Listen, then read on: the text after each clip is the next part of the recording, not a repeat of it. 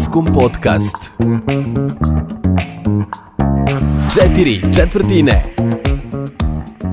Dobar dan i dobrodošli. Da, da, ti nekako kubeš koji imaš to pristojan pristup ovaj podcastima, oba, ovaj, obratiš se publici i meni, hvala ti na tome. Ja nekako, nikako da mi to dođe u pamet. Ali svejedno, hvala ti, dobar dan i dobrodošli u podcast četiri četvrtine. Maja Cvetković, Loka Nešović, šta više reći, gender equality 50-50. Op, Tako mi smo naj, uh, na, rodno najravnopravniji podcast Ikad. ever. Još to? Smo se uigrali. Ne, odmah, e, ever. A, Kao i obično, četiri teme, molim te da mi pomogneš. Pa prvo ćeš da mi kažeš koji su opet e, najprodavaniji katalozi i ajde, poslednjih par dana, jer to je bilo pa je i u ekspanziji, pa je stalo, pa sad onda ćeš da mi kažeš e, novine u Spotify, rekao si, znaš nešto što ja ne znam, Pa da, dobro, ra- raspravljat ćemo o tome zajedno. onda ću ja da ti pričam kako je bilo na Mac Awardsu, bila sam u režiji, Zanima. ali naravno samo kad je bio dress code crni, Aha, pa na- za ove druge nisam imala. Aha, da. Pa mi bi ti, pa trebala si da se javiš podcast od četiri četvrtine, mi bi uložili ne, neki sledeći put ćemo ti kupimo belu belo, haljinu i bele cipelice. I pričat ćemo još šta je kod e, e, naših komšija Hrvata, što se najviše sluša, malo ćemo onda i što se sluša u Beogradu, šta Da, ima neke, pretresemo, novine, da. neke zanimljivosti, da, neke iskakanje iz rutine. Da, da.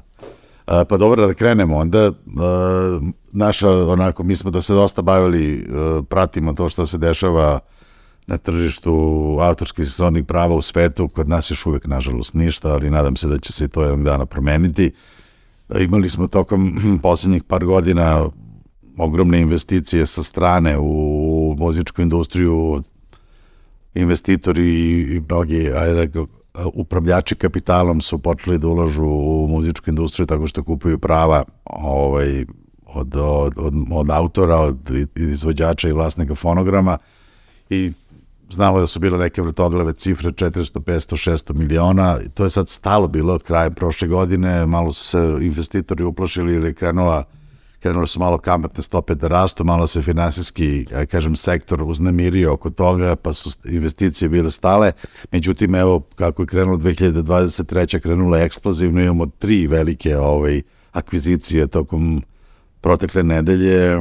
Ajde vidimo ko je za lovu. Uh, na, najveću lovu prošle nedelje je uz Justin Bieber.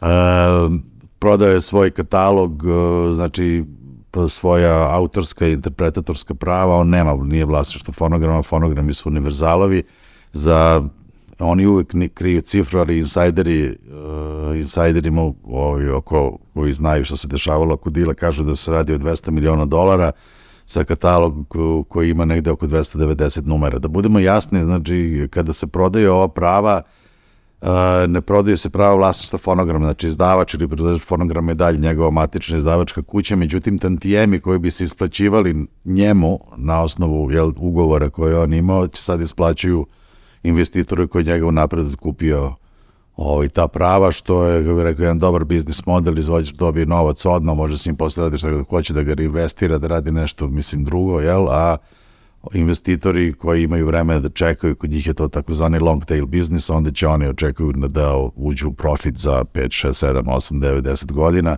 što je potpuno ok sa aspekta ovaj, finansijskog biznisa i finansijskog tržišta, tako da je, evo, to je ukratko, znači nije sad to da sorry, sad sve uzeli sad je neko negde nešto odneo, međutim, praktično se vrši redistribucija ovaj tantijema koji se isplaćuju ovaj, na osnovu eksploatacije tih fonograma ovaj, po autorskom delu i po, po srodno-pravskom delu u smislu interpretacije koje su fiksirane na fonogramu strane Justin Biebera. To je veliki dil od 200 miliona. Uh, Warner je otkupio katalog grupe Yes, oni su imali neki odnos, Yes je objavljivo Atlantik godinama, međutim sada su nekako nevjerojatno istek ugovor pa su napravili novi, tako da je Warner sada kupio kompletan uh, katalog grupe Yes, što je dosta zanimljivo. Ne vole mnogo ljudi Yes, ali ja nisam jedan vrlo bitnih onako... A za koliko para? E, ne zna se. Ali tu je negde, tu je negde blizu 100. Ovaj 100 miliona, tako da i to ovaj, nije loše. I Primary Wave, još jedna od kompanija koja je u, u ovoj igri, je otkupila prava preživelih e, članova grupe The Doors. Ray Krugera i Menzareka, i, ne, ne Ray Krugera, bože, ne zove se Ray Kruger, bože, je ostao mi mozak, uh, čovek se zove uh, uh, uh, Robbie Krieger i Ray Manzarek su prodali svoje prava Primary Wave-u, uh, takođe za cifru koja nije, ovaj, nije javno objavljena, ali tu smo negde oko 100 miliona, plus minus. Dobro, to je sigurno. Tako da je nekih 400 miliona ovaj samo u prvoj nedelji razmenjeno na osnovu otkupa prava, što nije loše za početak godine. Ja? Gde je loš? A, šta mi? Biber pesmu, svojka pesma milion. Pa da je svila, nije loš. Samo ne znam kako da dođemo do toga. Do miliona. A nećeš da se Pa ja obučeš bar- u belo. Ti ja kad bar da obukla- dođem do ovih prvih milion dinara. E, e, da, ti kad bi se obukla u belo, kad bi da prešla iz crnog u belo, i kod toga se napravila neka neviđena priča i otpevala neku neviđenu pop pesmu, neki duet sa, ne znam kim, sa Tonijem Huljić, Hulj, kako se ovaj, Tonči Huljić. Tonče Fuljić je bio A? baš na Make Award. Da, da, pa ispričat ćeš mi, ja nisam nažalost mogao da stignem, želeo sam, ali e, bio sam prezauzet. Tako da o, jer investicioni ciklus u muzički biznis se nastavlja, dobra vez za industriju, nadam se da će o, i takve neke stvari doći kod nas. Ja sam zagovornik da, ovi, te, te ideje da interpretatori da mogu da se opuste i autori da krenu malo da trguju sa tim svojim pravima, ovako ih drže kao hrčak negde ovaj, uz sebe, ne znajući njima da upravljaju i mislim da tu mnogo gube, jer to je mnogo pametnije, bih rekao, to ti je kao kad imaš uh, njivu, pa onda hoćeš da kupiš traktor da ga sam ovaj, da obrađuješ njivu, a ne znaš da voziš traktor, pa se onda slupaš, padneš s traktora, slomiš nogu. Mnogo je pametnije ako imaš njivu da, ovaj, da daš nekom da je obrađuje, pa onda zajedno delite taj prihod. To je ideja ove, ove cele priče, jer sve i teže i teže je administrirati ovaj, autorske i srodna prava, posebno u u, u, u dobe interneta postalo je jako komplikovano, to je vrlo komplikovana administrativno knjigovodstvena ovaj operacija i mnogi se u tome ne snalaze i potpuno je pogrešna ideja da to ne treba dati drugom da upravlja time, čuvati za sebe, jer time se samo gubi. Ali nama treba malo vremena da nam dođe s jednog mesta u drugo, ali nadam se ovaj, da će našim upornim ponavljanjem da je to dobar poslovni model za za, za nosioce autorskih stvarnih prava da će nekako krenuti ljudi kod nas da se ohrabruju i da, da prosto to, da, da trguju sa onim što imaju. A, to je što se tiče prve teme. Druga tema nam je naravno Vezano za prvu malo. jeste vezana za prvu i vezana za našu prethodnu emisiju. Samo da podsjetim naš široki auditorijum da je da se pokrenula nova debata o, o nepravičnoj raspodeli, odnosno redistribuciji prihoda koji se ostvaruje na, na streaming platformama. Sadašnji pro rata share model koji na neki način favorizuje samo onih prvih 2-3% izvođača, da praktično 90% 90% novca od tvojih slušalaca ode Drake-u. Mislim da, da svedem to na jednostav. Sad se razmišlja puno o tome, sad je negde čini mi se da je možda preludna godina, pošto su velike diskografske kuće i Warner uvezali Sony, praktično rekle ne, dosta je više ovom prevarantskom modelu po, po njihovom, po njihovom sa, sa njihove tačke gledišta i sad se razmatraju neka četiri nova aspekta i ja ću sad da ti uh, kažem koje su ta četiri, pa me zanima šta ti misliš. Ajde, pa tamo bi da bilo te zovem dobro? posle Drake-a da vidim da je. da, da, da, ti, Da mi ti vrati moj deo. lovu. Da ti vrati neku lovu. I šta se dešava? Imamo sada, znači imamo taj bro rata model da, ajde, da, da se ne ponavljam, da je 90% tvoje love odi Drake-u, pošto je on gore na vrhu ovaj lance iskrene, ti se negde dole na dnu, ne zato što si ti gore od njega, nego samo zato što je prosto on, kako rekao, Drake, ali stići ćemo ga. Ideja je da se sada nekako to prekomponuje i da bude malo, malo pravičnija raspodela tog ogromne količine para koji se sliva na, na, na platforme, tako da je prvi model je nešto što se zove active engagement model. To praktično znači da, da bi pesme koje su uh, koje, do kojih si stigao albumi ili pesme, do kojih si stigao pretragom ili do kojih si stigao tako što si e, naručio album napred, napravio pre-order, da oni imaju neku ne, veću vrednost u odnosu na one koje ti se guraju. Znači one koje ti se guraju kroz playlist, a one koje ti se guraju koje ti preporučuje sam algoritam na, na platformi. Jer taj po, podrazumeva se da je e, muzika koja, koju, koju neko aktivno traži, trebalo bi da ima neku veću i umetničku i emotivnu vrednost, pa se da se na adekvatno tome i nagradi, za razliku od onoga što ti gura algoritam sa platforme. Ali jer velika većina ljudi praktično ne pretražuje i ne traži muziku koju žele da sluša, nego prosto jel, uzme ono što mu se servira, da li je, da li za razlođeno raspoloženje ili delove dana, to je jedna ideja da se, znači, da neko ukoliko aktivno traži neku muziku, da ta muzika ima veću vrednost u streamingu nego, nego ona koja se nudi. Pa mi interesuje šta misliš na tu temu. Jel bi ti to odgovaralo? Pa, daj da čujem još ova tri modela, pa ću da ti kažem ko za... Drugi, za- drugi je takozvani pro rata temporis model. To znači da a, da pesme koje duže traju i koje su kompleksnije na neki način bivaju više nagrađene od onih kratkih. Tu se pokušava da se stane na rep onoj, onoj ideji od 31 sekunde koja je preplavila internet platforme ovaj, gde, gde ljudi proizvode algoritamsku muziku traju 31 sekunde koja se uglavnom gura kroz ove raznorazne relax playliste i fitness playliste i rekao tu pokušava se s tome stane na put i da se kaže ok, nešto što je stvarno muzika koju je neko se trudio i nešto što ima neku dužu, veću dužinu zaslužuje više prihoda i tu je negde sad, uh, kako bih rekao, benchmark je na 5 minuta što mi se čini da je predugo. Pa dobro, Znači da kompozicije, da pesme koje su duže od 5 minuta imaju, imaju veću vrednost u streamingu, to je drugi. Treći je uh, the, art, the Artist Growth Model, znači uh, model rasta umetnika. da. To znači sledeće, da uh, oni koji imaju puno streamova, da im se, ako nagomilaju veliku količinu streama, veliku količinu novca, da se u jednom trenutku da ta kriva njihova počne da pada, da, da svaki sledeći stream vredi pomalo manje. Tako da bi se nekako iznivelisalo ovi koji imaju nenormalno veliku količinu streama u odnosu na ove koji imaju manju. Mislim, tu mora se napraviti distinkcija, znaš, te, neko rekao, hip-hop je se najviše konzumira na streaming servisima rock and roll, ne, ali onda ti Drake pokupi sve. Ali to ne znači da, da ova muzika, kako bi ti rekao, Dobro, nema svoju... je realno najslušaniji. A Zašto jeste, ali Da, pa zato što da, da bi se na neki način izjednačio, vidi, ovo su sad sve predloženi Dobro, dobro, ja debatu, jel? komentarišem, da.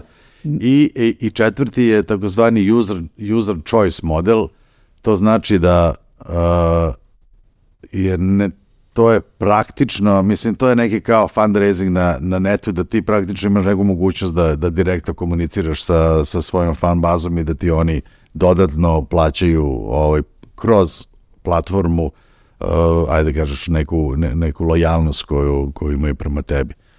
Ja ne znam sad nikako bi se to tačno ovaj, kako se zove uh, regulisalo, nije mi baš najjasnije, ali evo, to su ti ta četiri ponuđena, pa Pa ja sam za ovo pet, preko pet minuta. Šta je, neko uvijek moram da skratim pesmu. Mhm. Inače, da. tamo bi mi to leglo. Aha, Lova vidiš da. kaplje, ja sedam minuta. Aha, ti si isto postala na neki način žrtva ovog zahteva da pesme budu kratke, jel da bi se što više streamovalo? Pa nije, nego nekako dođem ja do samog zaključka da... Da si možda malo preterala s notama. Da, da, sa, sama dođem do tog. Nema nekog, e, kako bi ti rekla, ne, niko to meni ne govori, ja sama sa pet minuta svedem na, ajde. I kad i siđem ispod 4.20 sam radost. Da, jer nažalost ja ni, jedan od ova četiri alternativna modela nisu, ovaj, ne, nije nešto ni za čega bi ja 100% stao. Meni je najbliži bio onaj, ali verovatno onaj user-centric model, klas, uh, radikalan user-centric model koji znači uh, sav novac koji su potrošili tvoji slušalci ide tebi. Znači, Pa tako. minus, minus jel, ovo što uzmu platforme, njihov share koji je kod 30%, ono što se plati kolektivnim zaštiti autorskih prava i ono sve što ostane praktično dobiješ ti. To sad nije slučaj. Sad je slučaj svi oni koji su platili da slušaju tebe, njima lova ode kod Drake. Rika, jasno, zvaćemo. Radikalni taj user center model je, to je nešto što niko se ne odlučuje na to, znači da ako sam ja, ako ti imaš 100 slušalaca i oni su platili nemam pojma, po 10 eura i slušaju samo tebe, ajde uzmemo hipotetički tu situaciju, ti bi praktično dobila 100 slušalaca puta 10, to je 1000, o, pla, platforme bi uzele 30%, znači 300, platilo bi se sokovi 10, ti bi imala 600. Mislim, što nije loše Da. da 100 slušalaca, mislim, to je jako puno. Pod uslovom da oni slušaju samo tebe. Ali recimo slušaju pet bendova, pa bi onda pet bendova podelilo tih 600, pa bi svako imao po jel, 120, što opet nije loše.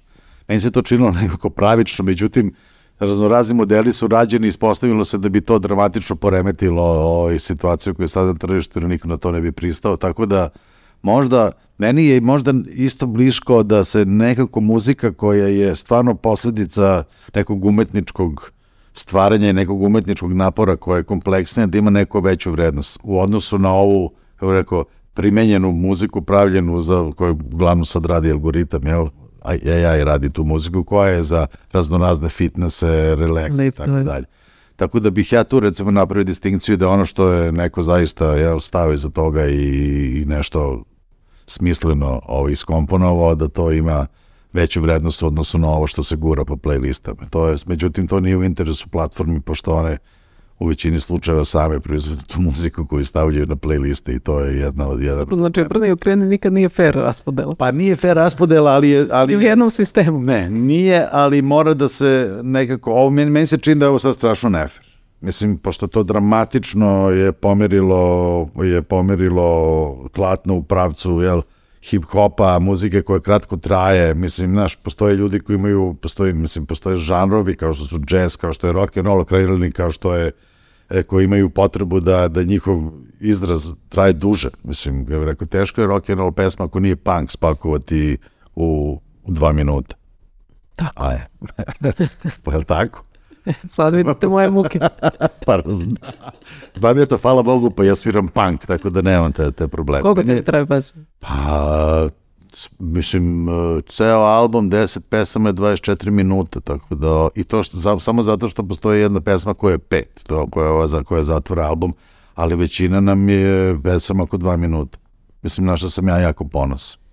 Pa dobro, ti to voliš. Recimo, nama je najveći hit Divan dan, vokal kreće tek bukvalno u minutu prvom, posle prvog minuta, otprilike. Ne znam sad, uh, i sećam se su svi govorili, a gde je pevanje, gde je pevanje? Pa vidi, jel to je recimo u vreme pre... To nam je najveći pa, par, a, da ne, da sad ne idemo mnogo u prošlost, to je u jednom trenutku u istoriji popularne muzike se podrazumevalo da uvod bude dug.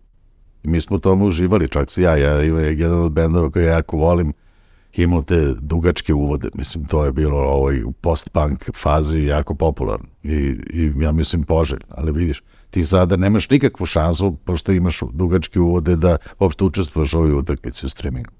Mislim, u smislu dobijanja nekog značajnog značajnog prihoda i značajnog brojke koje možda napraviš. Znači da odustanem.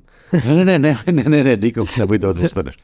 No dobro, u svakom slučaju, znači ti si za model preko 5 minuta. Ne, ja nisam za, za jedan model, Dobro, ali morala se da... sad čini kao naj... Da, morala bi da... U ovoj fazi debate možemo kažemo da si ti prihvatila da. model 2 koji se koji je se bazira na dužini, a ja sam negde još između lutam između ovog klasičnog user centrika i 5 minuta. Tu smo negde smo blizu. Negde mo, i ne, i meni umetnički dojam vrlo bitan. Ali mislim da će mislim sad malo se šegačimo, ali ova vrsta debate, bez obzira što nema idealnog rešenja, je neophodno da bi se, ajde da kaže, smanjila šteta. Ovde ne može da se dođe, mislim, uvek kad se deli iz s jednog kazana, jel, uvek je neko nezadovoljan, to je u kolektivnoj zaštiti i svim stvarima vezanim za, za, za raspodelu novca koje ostvari sa ostvari muzikom, ali je, ovaj, čini mi se da, da su neophodan ovaj dijalog ne bi li se došlo do naj, do nekog optimalnog modela koji će da bude, ajde, najmanje štetan po sve učesnike. Tako da ova, ova debata je dobro došla i zanimljiva sa sva ova četiri. Razmatrat ćemo mi to još tokom godine, sigurno će se pojaviti raznorazne druge ideje na tu temu. Ali ono što je bitno u svemu tome, samo da ti pokažem kakav je učinak ti svih tih lažnih uh, kako se zove, streamova i, i te elektronski, odnosno veštačke pravljenje muzike za razrazne raspoloženja, oni su od 2017. je, je učešće major kompanija sa 87% palo na 77%, skoro su izgubili znači u poslednjih 4-5 godina skoro 10% market share-a samo zbog, zbog ovakve stvari zbog 31 sekunde, zbog muzike na playlistama i tako dalje. Tako da je praktično a, kreativni deo muzičke industrije koji proizvodi i trudi se da napravi neke pesme kao što smo ti i ja je praktično izgubio 10% market share-a u korist ljudi koji na neki način varaju sistem, što je, kako bih rekao, na, na ovu količinu novca jako puno. I ja mislim da je ovde sad došlo do neke crvene tačke da se to više neće dozvoliti. Dobro, ajde da ti pričam za ovu temu. Kako je bilo na Meku? Molim. znači, E, Trajalo je dva dana. Prvi je bio uh, dress code black, drugi je bio uh, dress code white. Naravno da ja nisam išla na ovaj white, što ne bi imala šta da obučem, a i generalno u stvari uh, to je jedan sajam, ajde da kažemo, uh, to organizuje Sky Music, jedan sajam tehnike, u stvari uh, šta sve Sky Music može da uradi u produkcijskom smislu. Tako je bilo par godina unazad.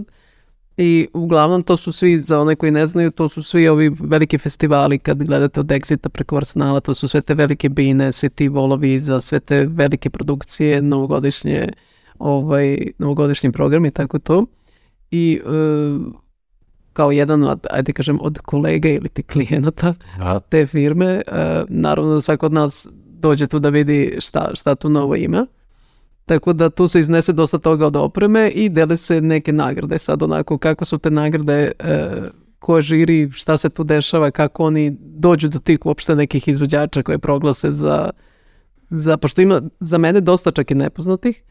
Verovatno, velika većina tebi je nepoznata. Da znaš što on čije Huljić. Dobro, ali on je bio, on je bio u ulozi voditelja. A, on je bio ulazi voditelj, aha. Ovaj, tako da e, bilo je onako prilično, ajde kažem možda iznenađujuće, U kom smislu? pa u smislu da e, ja sam očekivala tehnički mnogo, mnogo nešto inovativnije, realno se ponovilo što i prošle godine i bilo je nekako pripremljeno, u stvari drugačije za prenos na televiziji više, znaš, pošto je išlo na prvoj. Tako da tu su bile razne nagrade, neki Bo- Bora Đorđević je dobio za životno delo, Butch Cassidy, ja mislim za rock band, e, svašta je to prošlo. Dobro, mislim, meni je, ajde kažem, ja sam, ne, ne, ne, ne, Maskom ima pet nominacija, verovatno je, smo, je Maskom bio firma sa najvećim brojem nominacija tamo u raznoraznim. Ko ti je bio nominovan? Bio je Sergij Pajić, bio je Mina Hart, bili su uh, Kanda Kođa i Nebojša, bili su Kenny nije mrtav, bilo je još nešto, ne mogu da se setim. Tako da sam ja, kad su bi rekli imamo pet nominacija, ja sam, A čekaj, znaš ko je Nika e, Turković? Najbolja alternativna pop numera. Ne znam, Dobila. ali uh, da, moje, mislim, ono što sam ja hteo da kažem na ovu temu je, divno je da neko hoće da pravi neke, neke godišnje nagrade, ali bi onda, ali ovo nisu godišnje nagrade, ovo je praktično neki PR showcase za, za, za kompaniju koja uvozi tehnologiju i to bilo bi pošteno da se to tako i komunicira da ne izmišljamo neke nagrade koje nemaju nikakvo utemeljenje ni u biznisu, ni u tržištu, nego su posledice nekog internog dogovora i onda uopšte do- dodeljivati nagrade na, na toj bazi uh, bez utemeljenja, prosto za mene nije ni tema, jer nema neku industrijsku, ajde kažeš, nema neku in- industrijsku potku između sve, svega toga.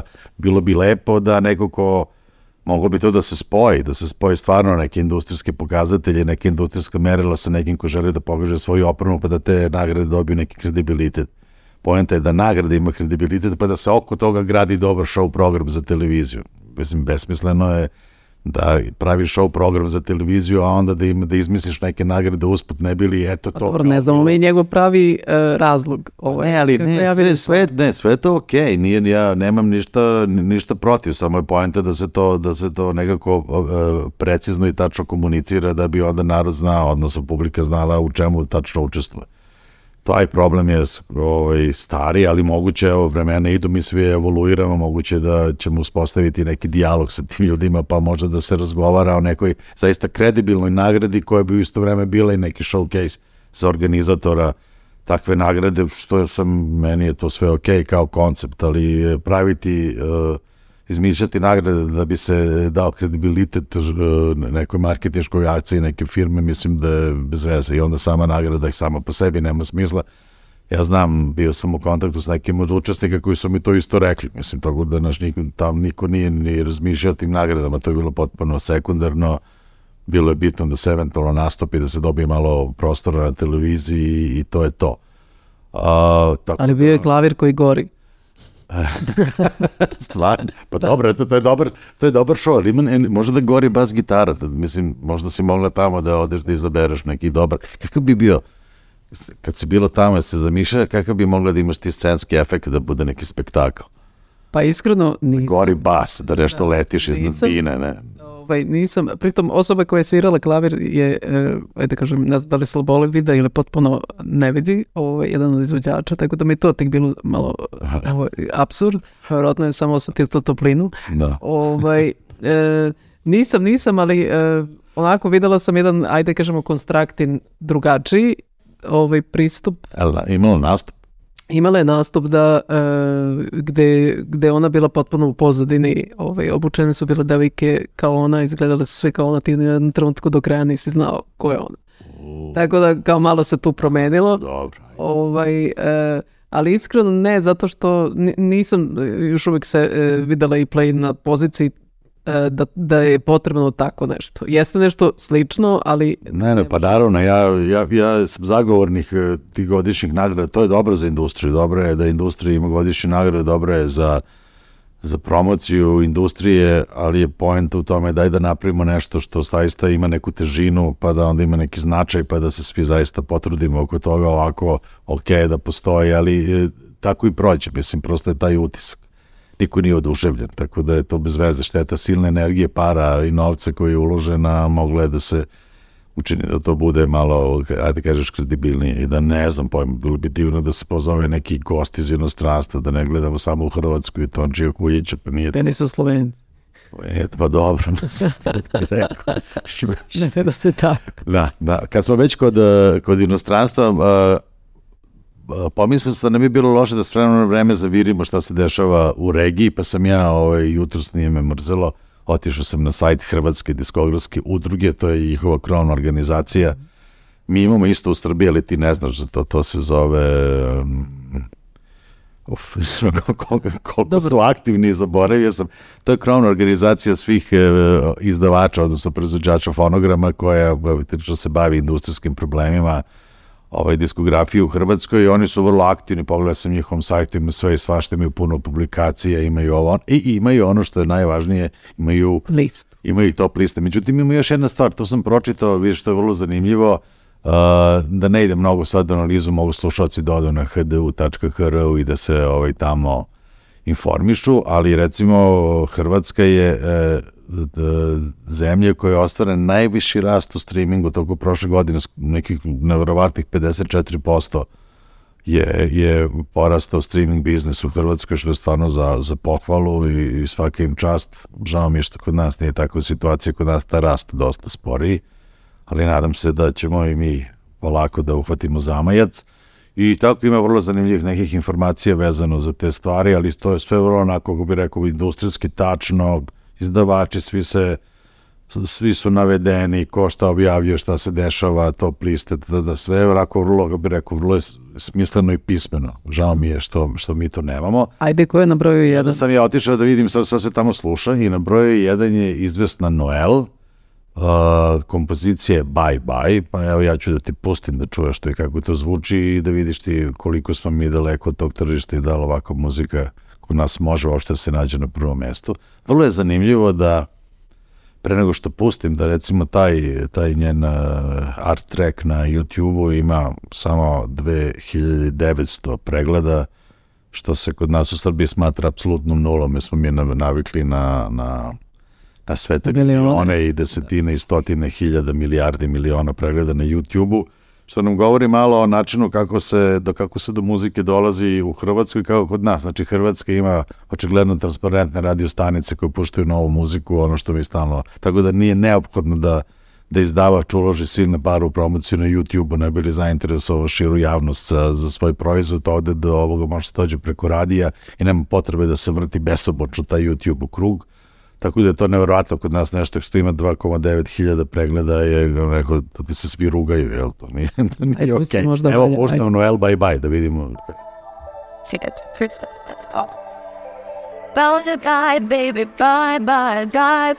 Мене е веќе јасно што има 2000. Добре. Problem,